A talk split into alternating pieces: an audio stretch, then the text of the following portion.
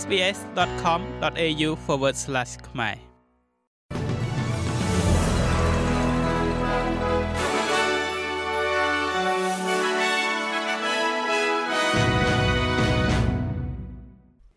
សូមស្វាគមន៍មកកាន់នេតិព័ត៌មានខ្លីៗរបស់ SBS ខ្មែរសម្រាប់ថ្ងៃច័ន្ទទី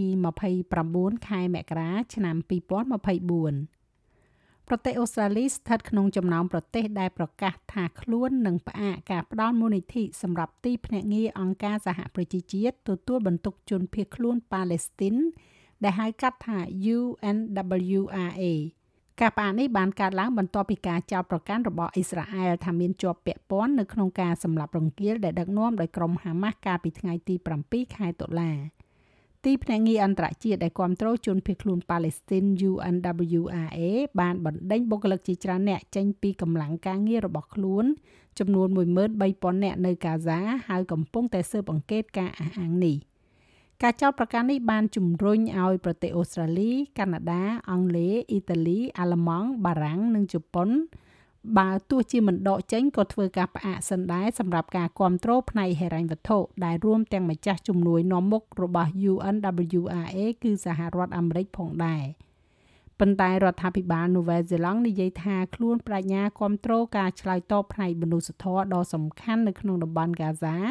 ហើយបានគ្រប់គ្រងការស៊ើបអង្កេតមួយដើម្បីស៊ើបអង្កេតការចោទប្រកាន់នេះជាបន្ទាន់។ នៅក្នុងប្រទេសអូស្ត្រាលីវិញថ្លៃសេវាថែទាំកុមារ Child Care បានកើនឡើងលឿនជាងអតិផរណានិងប្រាក់ឈ្នួលចាប់តាំងពីមានការបង្វិលសងត្រឡប់ទៅវិញឬក៏ហៅថា rebate របាយការណ៍ចុងក្រោយរបស់គណៈកម្មការប្រកួតប្រជែងនិងអ្នកប្រាស្រ័យអូស្ត្រាលី ACCC ស្ដីអំពីការស៊ើបអង្កេតលើការថែទាំកុមារចេញផ្សាយនៅថ្ងៃច័ន្ទទី29នេះបានរកឃើញថាការឧបត្ថម្ភធនជាទូទៅ បានកាត់បន្ថយការចំណាយបន្ថែមពីក្នុងហោប៉ៅរបស់ប្រជាជនគ្រប់ក្រុមនៃប្រាក់ចំណូលទាំងអស់ប៉ុន្តែថ្លៃសេវានៅទូទាំង Child Care ទាំងអស់បានកើនឡើងលឿនជាងអតិផរណានិងប្រាក់ឈ្នួលចាប់តាំងពីការឧបត្ថម្ភធន Child Care Subsidy នេះត្រូវបានណែនាំឡើងមកអង្គភាពឃ្លាំមើលអ្នកប្រើប្រាស់បានរកឃើញថាការរចនានិងការអនុវត្ត ការបង្វិលសងវិញឬក៏ rebate នេះគឺប្រសិទ្ធភាពមានកម្រិតនៅក្នុងការទម្លាក់ថ្លៃសេវាកម្មនិងបន្ថែមបន្ទុកទៅលើអ្នកបង់ពន្ធចុងក្រោយនេះតកតងជាមួយនឹងខ្យល់ព្យុះស៊ីក្លូននៅរដ្ឋ Queensland ភ្លៀងធ្លាក់ខ្លាំងបានបន្តវាយប្រហាររដ្ឋនេះបន្ទាប់ពីអ្នកស្រុករាប់ពាន់នាក់បានចំណាយពេលជាច្រើនម៉ោងស្ថិតនៅក្នុងសភាពងងឹតដោយសារតែដាច់ភ្លើងអគ្គិសនី ដែលបណ្ដាលមកពីអតីតខ្យល់ព្យុះស៊ីក្លូនត្រូពិក Kirrily ក្រុមនាវិកបានធ្វើការពេញមួយយប់កាលពីយប់មិញនេះដើម្បីស្ដារចរន្តអគ្គិសនីដល់អតិថិជន10000នាក់ដែលនៅតែមិនទាន់មានភ្លើងអគ្គិសនីប្រើប្រាស់នៅឡើយ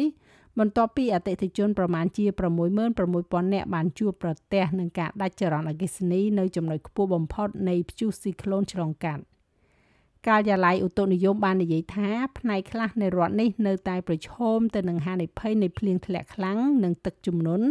នៅពេលដែលខ្យល់ព្យុះ Kirrily ផ្លាស់ទីឆ្លងកាត់ផ្នែកខាងក្នុងភាគខាងជើងរបស់រដ្ឋ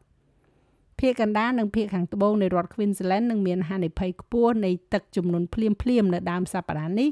ក៏ដូចជាផ្នែកខ្លះនៅភាគខាងជើងនៃរដ្ឋ New South Wales ផងដែរដោយសារតែកម្រិតទាបនៃតំបន់ត្រូពិកបានរំកិលចុះតាមឆ្នេរសមុទ្រ